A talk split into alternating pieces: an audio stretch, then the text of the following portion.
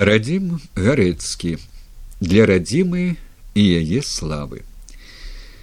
Василь быкаў належаў да таго пакалення якое стала галоўнай сілай савецкай арміі ў вялікую айчынную вайну асабліва ў яе другую палову.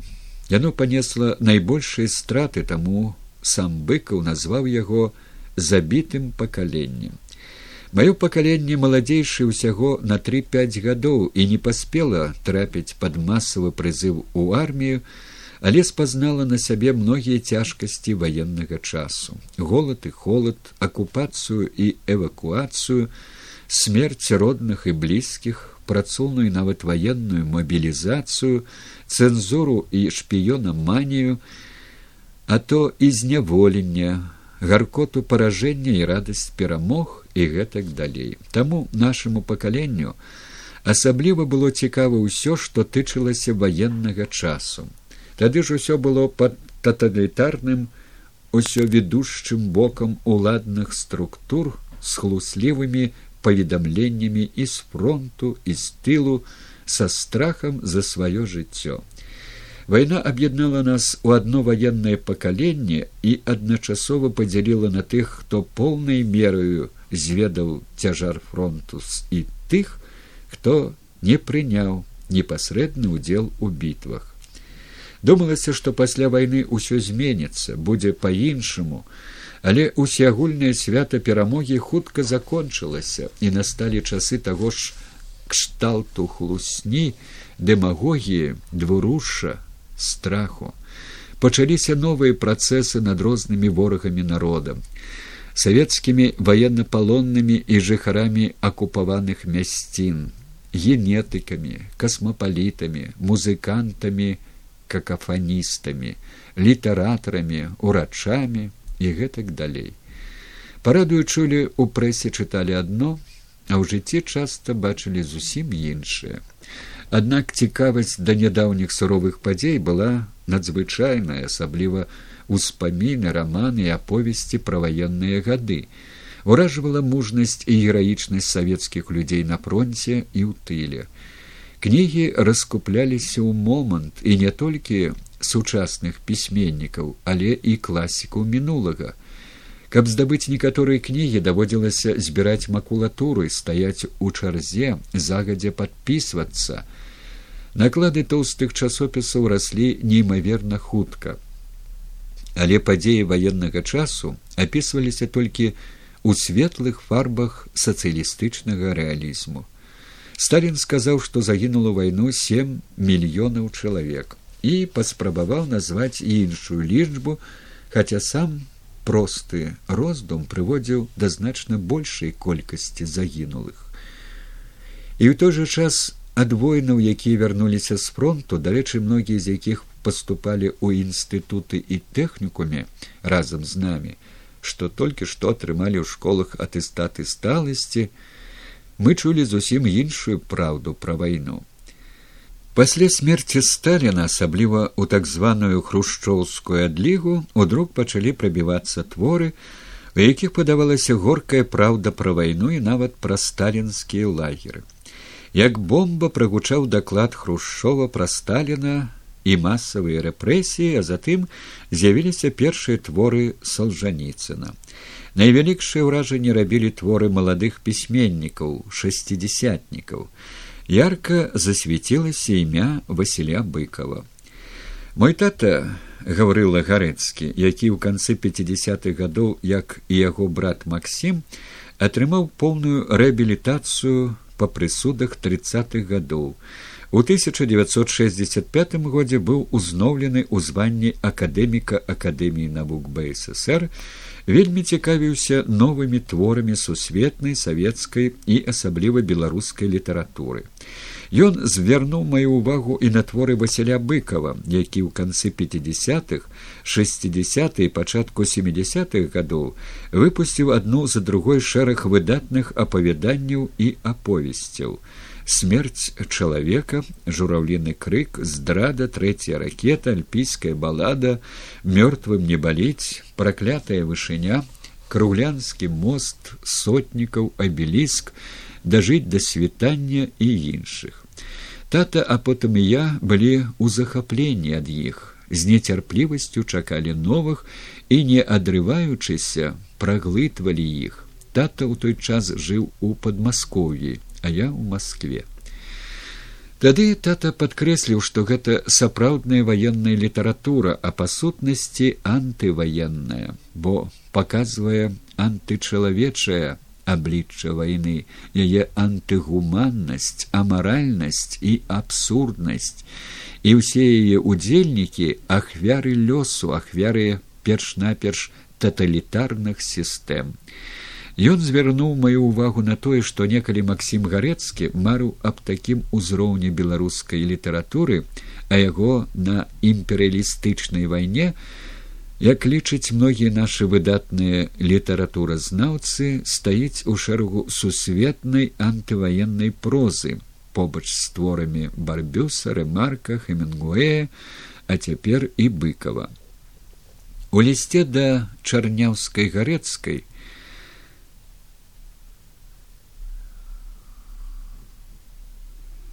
У лісце ДЛУ чараняўскай гарэцкай і гэмме гарэцкай ад 19 года тата пісаў: У нумары два маладосці ёсць дзіўная аповесць апавядання Васіля быкова трэцяя ракета. Ці чыталі вы? І Лара і я не маглі кінуць чытанне, пакуль не прачыталі ўсё адразу. У лісце ад 11 другога 63 года да іх жа мы захапляемся прозую Васіля быкова, а ў лісце ад 26 другога 64 года як вам падабаецца альпійская балада Васіля быкова, мы ў захапленні. У тыя ж гады, калі пачаў стрым галу уваходзіць у беларускую сусветную літаратуру Васіль быкаў, патроху ішло і вяртанне спадчыны Масіма гарэцкага выбраныя творы якога ў двух тамах выйшлі з друку ў семьдесят третьем годзе. І бацькі і моя сям'я ўжо жылі ў менску і мы многім паслалі гэты двухтомнік. Ад быкова прыйшоў адказ.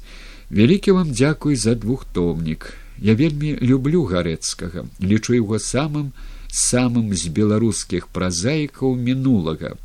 Вельмі шкада што яго напаткала такая доля Але што ж ніхто з нас не ведае, што чакае яго. Будьце здаровыя па магчымасці шчаслівыя. Пасля амаль сорокагадовага выгнання з беларусі мы нарэшце здолелі вярнуцца на радзіму. Бацькі ў 1969 годзе а я у снежні 71 -го года мы змаглі часта наведваць беларускія тэатры канцэрты літаратурныя вечары з'езды пісьменнікаў. На адной з такіх сустрэч ужо ў сярэдзіне семидесятых гадоў я ўпершыню убачыў васіля быкова. Пачуў яго выступленне і троху быў расчараваны.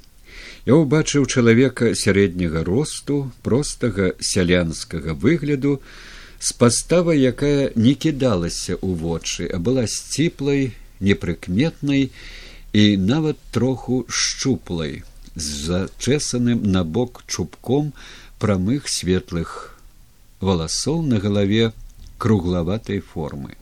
І толькі шэрыя вочы адразу вылучаліся сваім пранікнёным поглядам у якім свяціліся розум і бачылася нелёгкае шматпакутнае жыццё Не быў ён і бліскучым аратарам, гаварыў роўным, досыць ціхім, малавыразным голасам. Але ўсе слухалі Васіля быкова вельмі уважліва, стараліся не прапусціць ніводнага слова, бо змест яго выступлення быў вельмі змястоўны. Думкі нестандартныя, глыбокія, закраналі не толькі розум, але даходзілі да душы і сэрца слухачоў. Тады ён сказаў, што трэба пісаць жыццёвую праўду, імкнуцца да адкрыцця ісціны, а для гэтага апроч таленту патрэбна немалая мужнасць. Праўда жыцця, якой бы непрыемнай яна не была, не пашкодзіць дабру. Асабліва праўдзіва трэба пісаць пра вайну, і пакуль чалавецтва будзе памятаць, што яно перажыло ў двадцатым стагоддзі, новая вайна немагчымая Ён гэтую тэму раскрываў вельмі пераканаўча і было зразумела, што то яго сапраўдная крэда. Мой тата і я вельмі перажывалі за Васіля быкова з нагоды тых несправядлівых нападкаў, якія яму прыходзілася ў канцы шестидесятых пачатку семидесятых гадоў чуць ад мясцовых і рэспубліканскіх улад ад многіх савецкіх генералаў і афіцэраў і іншых крытыкаў сярод якіх на жаль былі і пісьменнікі і навукоўцы і іншыя прадстаўнікі творчай інтэлігенцыі тата кожнае лета ездзіў у геалагічнай экспедыцыі часта бываў на гродзеншчыне стараўся заехаць у гродна і зайсці да быкова каб падзякаваць яму за выдатныя творы і маральна падтрымаць у той нядобразычлівай атмасферы у якую трапіў таленавіты празаік. 18 ліпеня 74 -го года мае бацькі трапілі на вечар прысвечаны 50годдзю Васіля быкова. Аб чым тата напісаў Леаніле і галіне гарэцкім у Ленінград. Вечар адбыўся ў доме мастацтву, частка блога архірэйскага палаца. Ніколі не было ў гэтым палацы столькі людзей. На ўсіх праходах стаялі прыхільнікі таленту быкова. Прысутнічалі многія многія пісьменнікі. Былі прадстаўнікі ЦК і ўраду Кузьмін, сняжкова, марцалёў. Бураўкін зрабіў бліскучы даклад і па форме і па зместу, па глыбіні і арыгінальнасці думак. Многа было прывітанняў адрасоў. Васіль быкаў хваляваўся, пачырванеў сказаў адказнае слово сціпла сціпла воплескі амаль ператварыліся ў авацыю так было прыемна і радасна значна пазней ужо двадцать четвертого сакавіка 1979 года тата зноў піша галіне максімаўне пра свае ўражанне Па тэлебачанню па запісу перадавалі вечар твораў Васіля быкова з дома афіцэраў. Была паўнесенькая зала, людзі стаялі і каля сцен. Гаварылі шамякін, асіпенка, бураўкін, чыгрынаў, сам пісьменнік. Многа было пісулік, цікава адказваў быкаў, але шмат развае, так сказаць, хаця б так кажучы, страшэнна, засмечвала мову псавала яе. 22 ліпеня 1984 года бацька пісаў галіне максімаўне пра вечар прысвечаны шестидесятгоддзю василя быкова на вечар быкова мы не трапілі бо не мелі запрашэнняў а пайсці так у тэатры янкі купалы мы не адважыліся. Глядзелі ўважліва ўвесь вечар. Было ўсё вельмі добра. А якія шчырыя і палкія прамовы былі гэта было сапраўднае свята беларускай лікультуры яе усесаюзнае прызнанне непасрэдна з васілём владимировичым я пазнаёміўся толькі ў 1980 годзе калі спачатку алеся адамович а затым і быкаў звярнуліся да мяне з просьбай дапамагчы ў справе ушанавання памяці константина симонова з якім яны сябравалі і які памёр у жніўні папярэдняга году. Справа ў тым, што Сіманаў быў сведкам гераічнай барацьбы з фашыстамі пры абароне магілёва, дзе змагаліся прататыпы многіх яго літаратурных герояў, у тым ліку з рамана жывыя і мёртвыя. Гэты эпізод вайны быў настолькі важны, для ходу баёў што сіманаў увесь час дамагаўся каб гораду магілёву прысвоілі званне горад герой баі под магілёвым пакінулі такое моцнае ўражанне на сіманова што ён перад смерцю пакінуў завяшчанне у якім прасіў спаліць яго цела ў крэматорыі а попел развеяць на буйніцкім поле каб хоць так з'яднацца з героямі сваіх твораў і стаць часцінкай той зямлі, дзе навечна паляглі яны зусім маладымі. Адамовічы быкаў вырашылі, што на месца, дзе будзе кінуты ў зямлю попел выдатнага пісьменніка, трэба паставіць вялікі прыгожы валун. які стане своеасаблівым помнікам сіманаву. Алеся дамовіч ведаў мяне ўжо з таго часу, як працаваў над манаграфіяй браму скарбу сваіх адчыняю, прысвечанай жыццю і творчасці Масіма гарэцкага, і таму часта наведаваў майго бацьку з рознымі пытаннямі пра ягонага брата. Ён таксама ведаў, што наш інстытут геахіміі і геафізікі акадэміі навук бСр збірае валуны помнікі мінулага зямлі беларускай і стварае музей валуноў пад адкрытым небам. Таму як да дырэктара гэтага інстытута яны звярнуліся да мяне за дапамогай. Жонка і сын сіманова некалькі разоў прыязджалі да нас і нарэшце адабралі вялікі каля 15 тонн вагой гладка абкатаны валун жоўты шэрага колеру з чырвоным адценнем, які с факсімільным подпісам сіманова стаіць у мемарыяльным комплексе на буйніцкім полі под магілёвым василь быкаў быў не толькі выдатным пісьменнікам гонарам беларускай сусветнай літаратуры але і вялікім грамадзянінам беларусі які ўсё жыццё змагаўся за нацыянальнае адраджэнне бацькаўшчыны за родную мову уздым культуры дзяржаўнасць незалежнасць дэмакратыю сваёй краіны. Таму быў у цэнтры многіх грамадскіх і палітычных падзей калі пачалася перабудова яго як постаць нумар адзін сярод дэмакратычнага руху пачалі запрашаць узначаліць ці прыняць удзел у розных мерапрыемствах аб'яднаннях. І ён стаў членам беларускага гісторыка асветніцкага таварыства памяці ахвяр сталінізму мартыролах беларусі членам сойма бнф народным депутатам ссср у блоку дэмакратычных сілаў першым прэзідэнтам згуртавання беларусаў свету бацькаўшчына прэзідэнтам беларускага пэн-цэнтра і іншых У самым канцы восьмидесятых і на працягу ўсіх девяностых гадоў мне давялося досыць часта сустракацца з васілём владимировичем на розных канферэнцыях з'ездах нарадах разам працаваць у шэрагу аргкамітэтаў і гэтак далей. Аўтарытэт василя быкова як жывога класіка беларускай літаратуры і выдатнага грамадскага дзеяча у гэты час быў найвысачэйшы большасць беларусаў успрымала быкова як некалі янку купалу прарокам сумленнем і гонарам нацыі. Без быкова нельга уявіць сабе беларусь бо быкаў увасабляў для ўсяго свету лепшую перадавую частку нашай бацькаўшчыны. Я думаю што ён адчуваў сваю адказнасць перад радзімай адчуваў сваё месца ў краіне сваю асобу Таму ён быў заўсёды сур'ёзны, падцягнуты, прынцыповы, ні на йоту не схіляў галаву перад начальствам.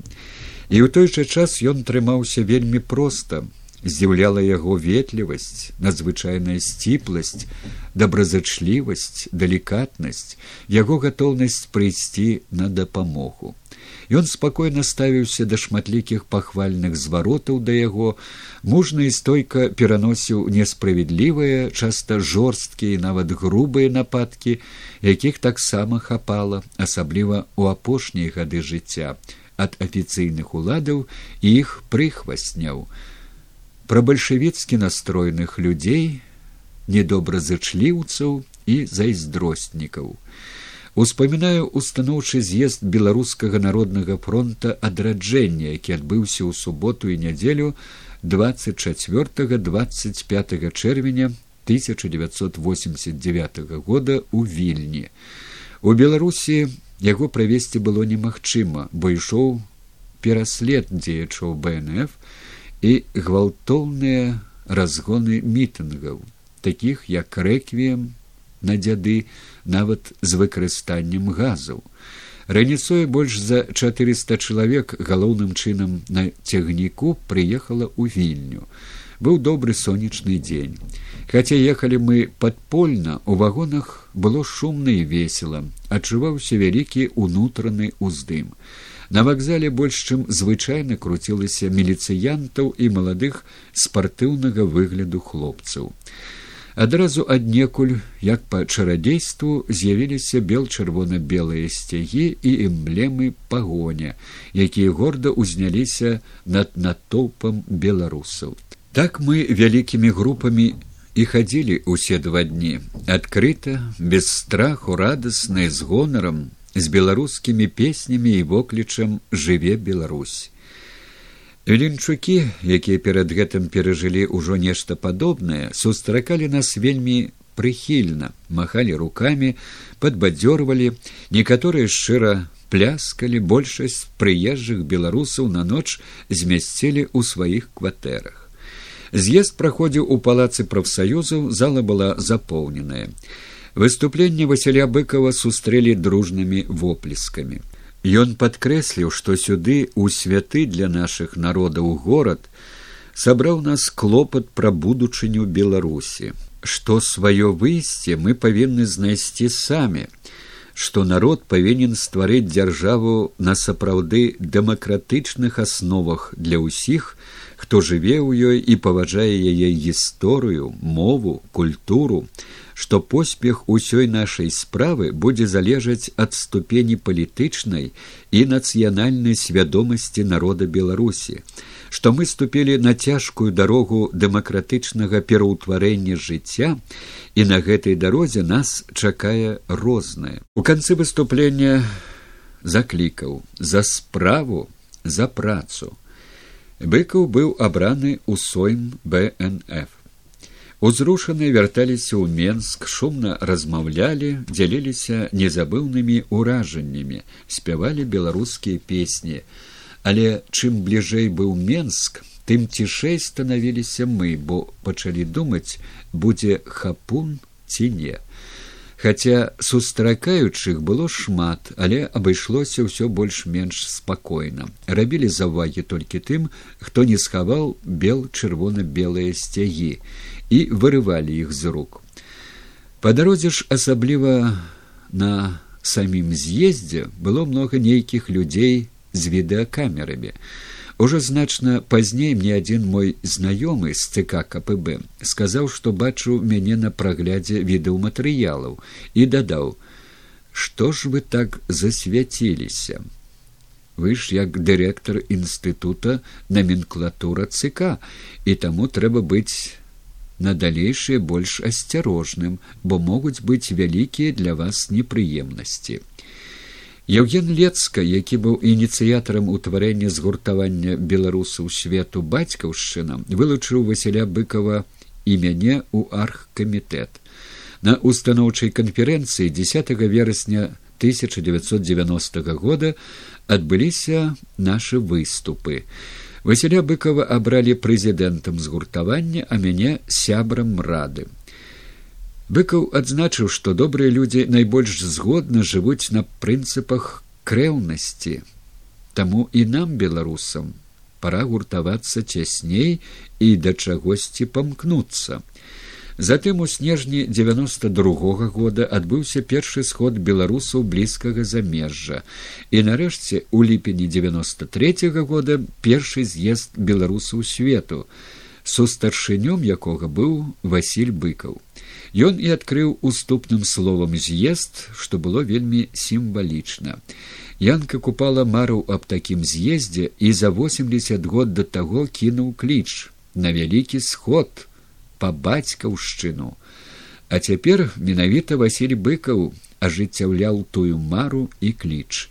Гэты з'езд, які арганізавала збс бацькаўшчына пры значнай падтрымцы і дапамозе тагачасных дзяржаўных улад, меў галоўныя ідэі незалежнасць і нацыянальнае адраджэнне, а галоўнай мэтай дзяржаўнае будаўніцтва беларусі. Тады мы з надзеяй глядзелі ў будучыню, і нам здавалася, што гэты з'езд толькі пачатак магутнага працэсу новага нацыянальнага адраджэння. Але неўзабаве мы ўпэўніліся, што то быў яго апагей, бо ў далейшым асабліва пасля выбараў 1994 года і ганебнага рэферэндума 1995 года краіна пачала падавацца назад у былы ссср быкаў у сваім слове падкрэсліў і на радзіме як у эміграцыі ідэйна палітычны верхал што настаў пасля дзесяцігоддзяў таталітарызму. І тут нацыя родасная па крыві расколата, разладжана, разбэшчана, размыта палітычна, а цяпер і ў сацыяльным, маральным, моўным і культурным сэнсе. Але гэтая славутая талерантнасць здаецца робіцца нашым злым ліхам. Пасіянарнасці не стае нашай нацыі, палітычнай волі нашаму грамадству як і нацыянальнай выразнасці таго ж грамадства. Мы не маем права забываць злачынства нямецкага фашызму, як і камуністычных нк нкус кДб руками якіх загублена не меней чым загінула ў гады вайны. Магілы іх ахвяр скрозь на беларускай зямлі.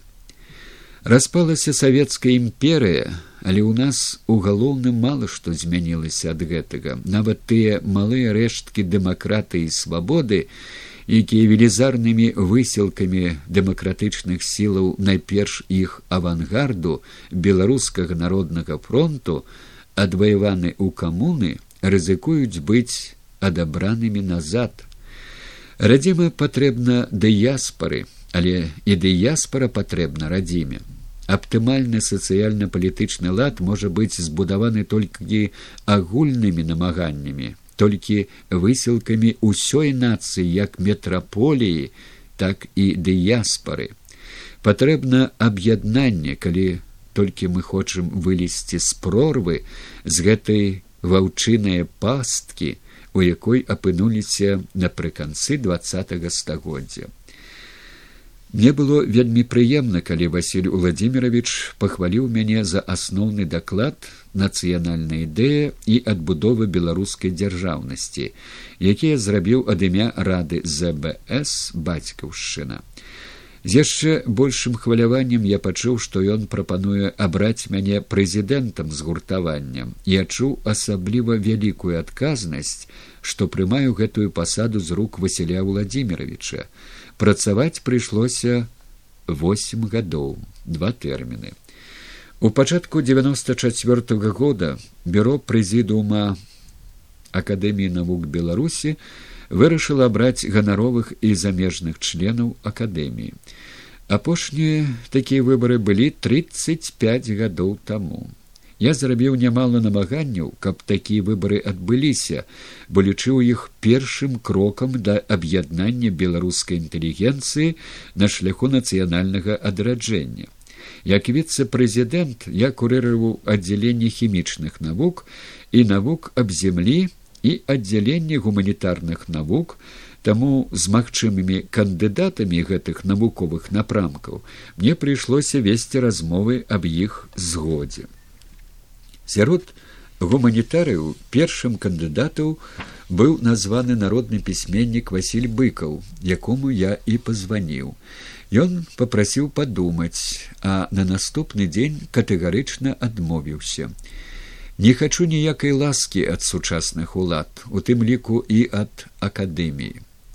Я ў такой акадэміі нават ганаровым быць не хачу бо яна поўнасцю савецкая і вы вымушаны будете хутка выбіраць такіх камуністаў як иван антанович а я побач з ім сядзець не буду. Я б з прыемнасцю адмовіўся і ад мінулых узнагарод. У той час гэта зарабіць было нельга. Яны мне перашкаджаюць жыць. Я вас паважаю удзячны за прапанову але павінен адмовіцца і праўда праз некалькі гадоў кандыдатам у члены карэспандэнты акадэміі навук беларусі вылучылі антановича але яго не абралі. 19 ліпеня девяносто четвертого года раніцою каля помніка янкі купалы адзначалі семидесятгоддзя василя быкова. Нягледзячы на тое што сапсавалася надвор'е і пайшоў дробны дождж народ не разыходзіўся цёплыя словы сказаў зянон пазняк вітаўт кіпель ніл елевич потым я і рыгор барадулін увечары з яшчэ большай цеплынёй шчырасцю і пашанай віншавалі васіля владимировича у сядзібе бнф на вуліцы варвашэні. Памяшканне было запоўнена яго сапраўднымі прыхільнікамі і сябрамі якія выказвалі юбіляру падзяку за яго творы і дзейнасць жадалі здароўя поспехаў шчасця росквіту беларусі чыталі яму вершы спявалі беларускія песні. Была атмасфера сапраўднага свята. Юрась хадыка які вёў вячэру неспадзявана даў мне слова першаму. Василь владимирович быў расчулены падзякаваў мы абняліся і пацалаваліся. Ён звярнуўся да барадуліна і мяне. Усё ж гарэцкія надзвычайны феномен які трэба было б як мае быць вывучыць. Зноў сустрэўся я з васілём владимировичем у снежні девяносто четверт -го года у гасцёўне галубка на выстаўцы воля роўнасць незалежнасць прысвечанай двухсотгоддзю вызвольнага паўстання 1794 года. Яе вёў мікола купала які даў слова мне а затым васілю быкаву василь владимирович падкрэсліў што воля роўнасць незалежнасць за якія змагаліся касцюшка і яго паплечнікі ўжо набылі рэальнасць у польшчы ёсць у амерыцы але на жаль іх няма у беднага беларускага народа. І змаганне за гэты ідэал ідзе і павінна пашырацца. У яго словах і ва ўсім ягоным выглядзе адчуваўся вялікі сум і сумненне ў тым ці адбудзецца ўсё гэта калі небудзь у беларусі пагаварылі мы з ім пра падзеі таго часу. Зняцце з пасады пасла ў германії садоўскага нота турцыі ў сувязі з турэцка-польскімі шпіёнамі потым пайшлі разам паглядзець карціны. Я ведаў што василь владимирович вучыўся на мастака і сам многа маляваў але мяне здзівілі яго прафесійныя вельмі дасканалыя ацэнкі многіх палотнаў крытыкаваў карціны мадэрновага напрамку. Добра намалявана але няма цяпла. Успомніў сваю нядаўнюю сустрэчу ў москве з папулярным мастаком михаилам шамякіным. Глядзеў яго палотны. Таксама у іх многа найгранага штучнага няма пачуцця усё няшчыра такое ўражанне што і шрам на твары ён спецыяльна зарабіў каб быць больш загадкавым. І раптам схапіўшы мяне за руку дадаў а хочце я пакажу вам сапраўдную карціну?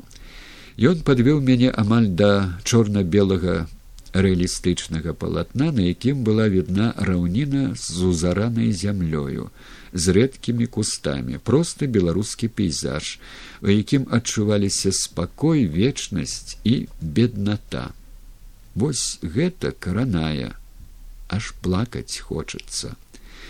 Калі я адвозіў быкова на машыне мы успомнілі як у студзені хавалі нашага незабыўнага сябра алеся адамовича Василь Владимирович сказаў, што настаў час паставіць яму помнік на могілках і попрасіў мяне зноў адшукаць да вясны добры валун і падумаць, каго са скульптараў прасіць зрабіць над магілле. Расказаў, што учора у яго суседкі бабулькі, якая жыве паверхам ніжэй, раптоўна узарваўся тэлевізор і быў такі змрочны і густы дым, што немагчыма было выйсці ў калідор быкаў хваляваўся за помнік алеся адамовича бо і на пахаванні пімена панчанкі другога красавіка 1995 года і на шостым з'ездзе бнф восьмага красавіка 95 -го года і на другім міжнародным кангрэсе беларусістаў 16 траўня 95 -го года нагадваў мне пра валун У самым канцы траўня ў маім кабінеце ў прэзідыуме акадэміі навук беларусі сабраліся васіль быкаў валерый янушкевич міхась тычына і абмеркавалі якім павінен быць помнік вырашылі што вельмі сціплым і простым.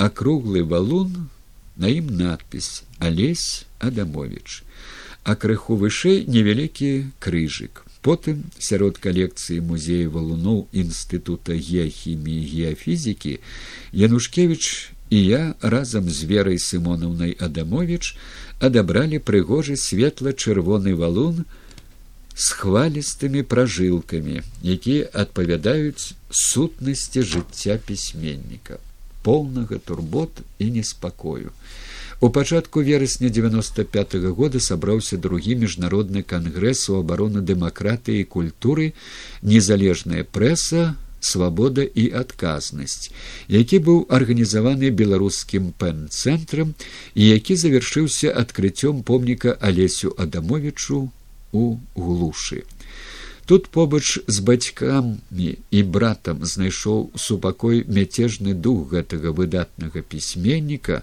навукоўца і грамадскага дзеяча, шчырыя словы пра якога сказалі Янка Брыль, Васіль быкаў, Рыгор Барадулін і іншыя. Кангрэс быў вельмі прадстаўнічы. На ім прысутнічала больш за сто чалавек людзей творчай інтэлігенцыі, экспертаў і праваабаронцаў з 15 краін Еўропы і ЗША. З уступным кароткім, але вельмі змястоўным словам культура і посттаталітарнае грамадства выступіў прэзідэнт беларускага пэн-цэнтра Васіль быкаў, якога слухалі з вялікай увагай была выдадзена спецыяльная кніга з матэрыяламі кангрэса на беларускай і ангельскай мовах незадоўга перад кангрэсам 12 ліпеня 95 -го года адбылося адкрыццё на пляцы свабоды помніка максіму гарэцкаму які быў зроблены да стагоддзя пісьменніка скульптарам мікалаем рыжанковым. Сабралася каля ста двадцати чалавек і ў тым ліку прыйшлі народныя василь быкаў янка брыль рыгор барадулін нил елевич иван навуменко адкрываў і кіраваў мітынгам александр сасноўскі у той час намеснік мэра горада мінска а вядучай была загадчык аддзела культуры мінгар выканкама Я думаю, што яны добра прадумалі парадак правядзення і таму не ўмешваўся ў гэты працэс. Вядучая запрасіла ў прэзідум толькі рыгора барадуліна, якому і дала слова. На мае падказкі звярнуць увагу на іншых народных пісьменнікаў і паэтаў і таксама даць ім слова яна не адрэагавала а яны сціпла стаялі ў натопе і асабліва непрыкметным як і заўсёды стараўся быць василь владимирович схаваўчыся за некалькімі поўнымі фігурамі. Я адчуваў што василь быкаў янка брыль нил елевич гатовы і хацелі сказаць некалькі слоў але прамаўчалі калі вядучая под маім націскам усё ж прапанавала у самым канцы мітынгу і ім выступіць Я няёмка сябе адчуваў і вельмі шкадаваў, што не паводзіў больш рашуча. Добра, што беларускае тэлебачанне там жа попрасіла выказацца Васіля быкова і ўвечары ў навінах мы пачулі яго. Ён сказаў, што вельмі задаволены гэтай падзеяй, якую трэба было даўно зрабіць і справядліва, што ў менску, чацвёртым пасля янкі купалы якуба коласа і максіма богдановича паставілі помнік менавіта максіму гарэцкаму які ў гісторыі беларускай літаратуры як адзін з яе заснавальнікаў класікаў стаіць побач з пералічанымі пісьменнікамі у канцы девяносто пять пачатку девяносто шест гадоў больш канкрэтна паўстала пытанне аб адкрыцці помніка францыску скарыні ў празе чаму вельмі спрыяў тагачасны амбасадар беларусі ў чэхі мікалай вайцянкоў ён звярнуўся да мяне з просьбай арганізаваць дэлегацыю з беларусі каб у празе адчулі веліч постаці беларускага асветніка і першадрукара што значна дапамагло б атрымаць падтрымку, а затым і дазвол чэшскіх уладаў на установку помніка. Наша згуртаванне беларусаў бацькаўшчына, якое даўно планавала паездку ў праву разам з таварыствам Чэхія Беларусь, і навукова-культурным цэнтрам імя скарыны вырашыла накіраваць вялікую дэлегацыю для правядзення акцыі беларусы ў празе у час якой меліся адбыцца розныя мерапрыемствы і сустрэчы у тым ліку навуковыя чытанні прысвечаныя скарыне. Для паездкі мы арганізавалі спецыяльны аўтобус на якім паехала наша дэлегацыя з выдатнымі прадстаўнікамі літаратуры навукі мастацтва і тэатра. А для василя быкова і рыгора барадуліна набылі білеты на цягнік. Нечакана апошні адмовіўся ехаць спаслаўшыся на кепскае здароўе. І замест яго паехаў я.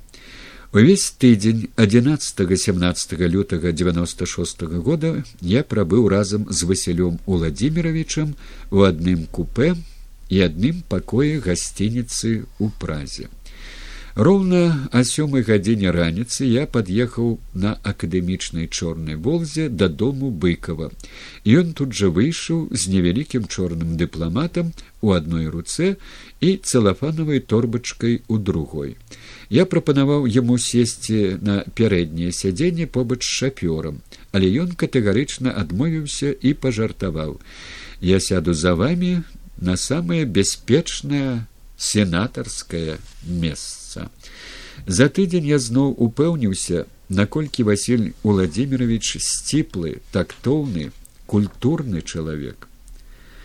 За ўвесь час ён ні разу не павысіў голас, не выказаў якую-небудзь незадаволенасць. У яго паводзінах, выглядзе словах не было і намёка на тое, што перад табой вялікі пісьменнік і грамадскі дзеяч. Але калі ён пачынаў гаварыць, гэтая прастата засяроджаны твар яшчэ больш падкрэслівалі яго багатую унутраную культуру натуру светлага розуму і мудрасці бо яго выказванні былі прадуманымі нестандартнымі поўнымі жыццёвага вопыту.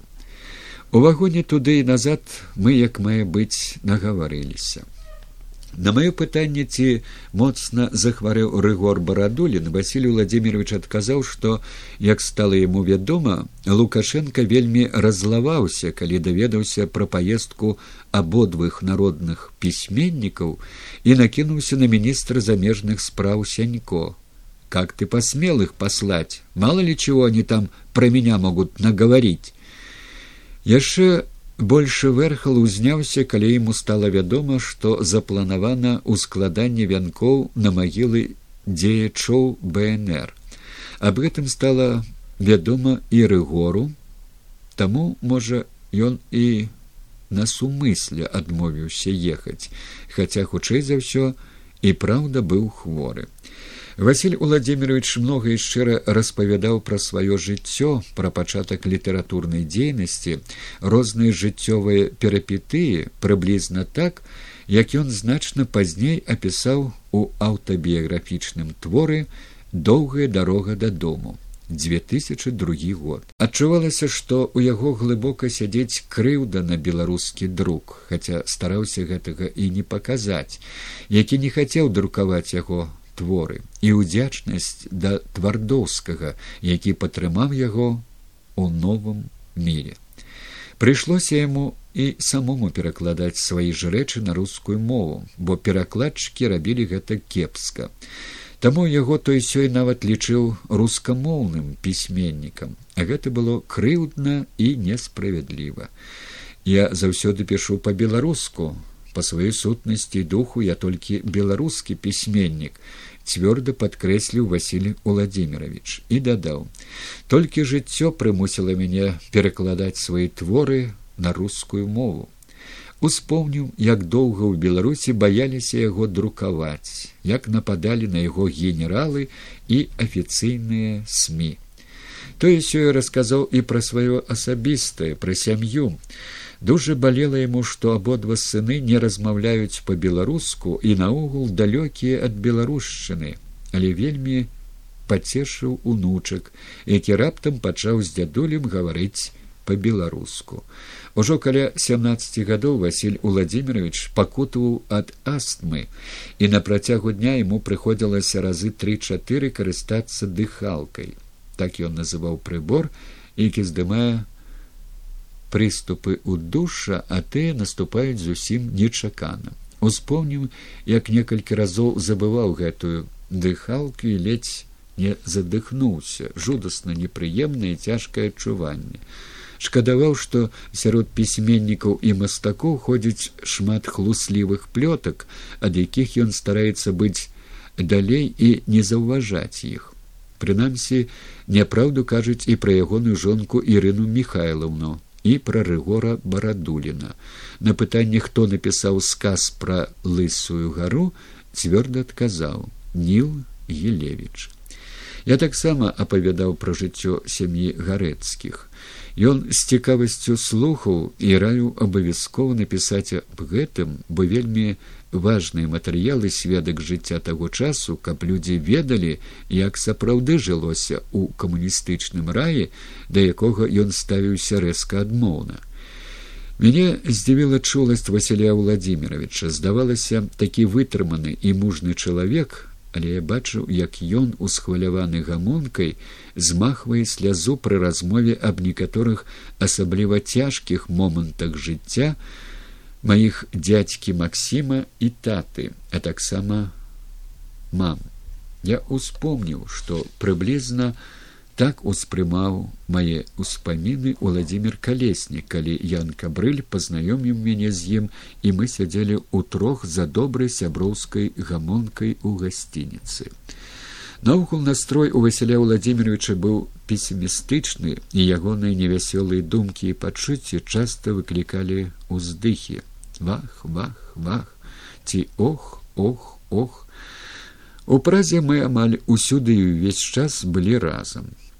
Быкова вельмі прыязна прымалі ён канешне заўсёды быў у цэнтры увагі вельмі прыхільна нас сустрэў у беларускім пасольстве ў чэхіі амбасадар мікалай вайцянкоў які добра размаўляў з намі па-беларуску я раней некалькі разоў сустракаўся з ім у гомелі і не чуў ад яго беларускага слова таму быў прыемна здзіўлены добрае ўражанне зрабіў і будынак катэдж пасольства яго інтэр'ер і ветлівыя беларускамоўныя супрацоўнікі.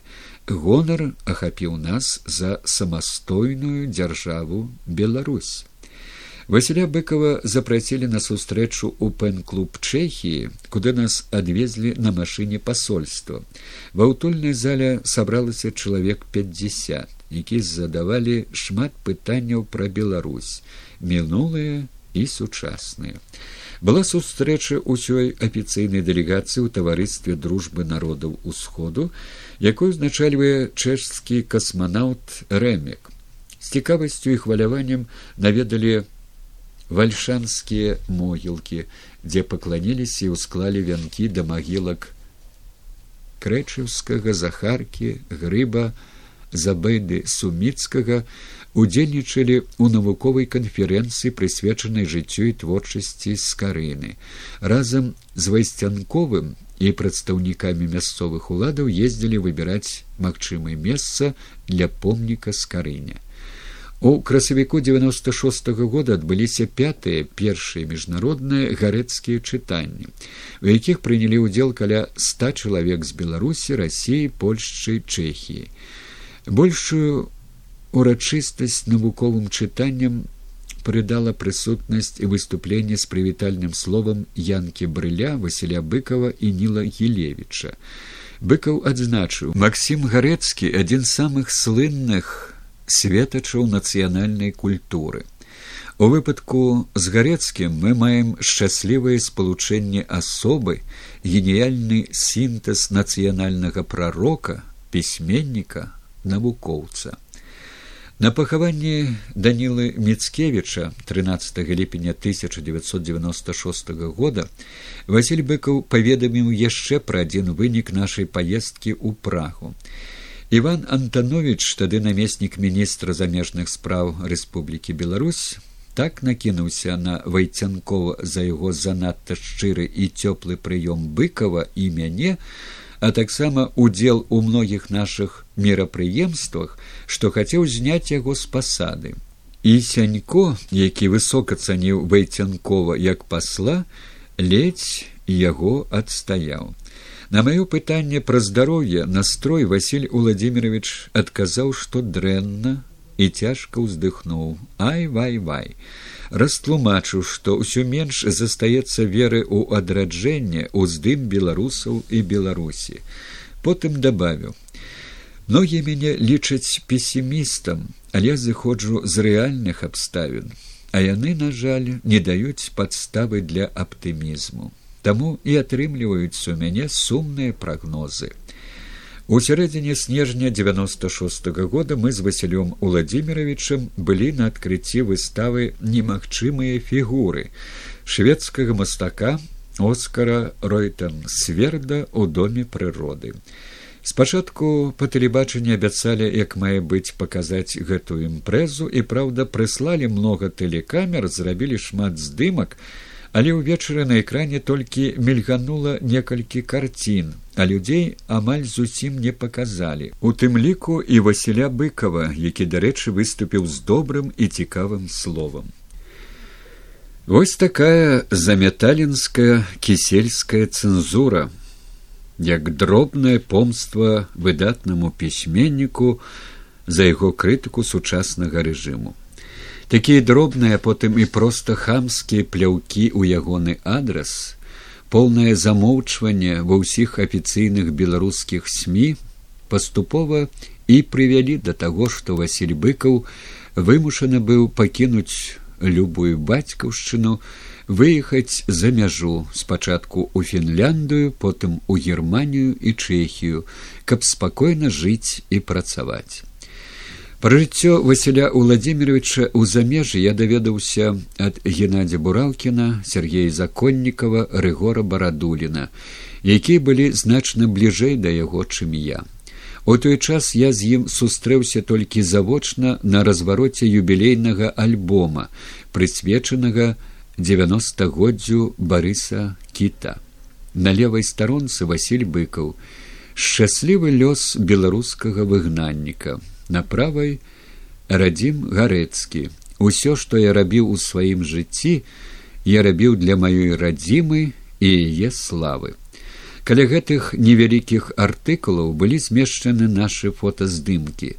І было такое ўражанне што я са свайго фотаздымка сумна глядзеў на васіля владимировича на другім фотаздымку Я тады яшчэ не ведаў, але здавалася адчуваў, што жывым больш не ўбачу. Уся краіна надзвычай балюча успрыняла паведамленне аб цяжкай хваробе быкова і з хваляваннем аб яго прыездзе ў Беларусь. Званок Сергея Законнікава да мяне 22 чэрвеня 2003 года аб тым, што ўвечары памёр Васіль Владимирович, быў нечаканым і аглушальным. Ад арганізатараў пахавання я атрымаў пачэснае даручэнне не толькі быць у ганаровай варце, але і выступіць з развітальным словам. Народнага пісьменніка хавала ўся Беларусь.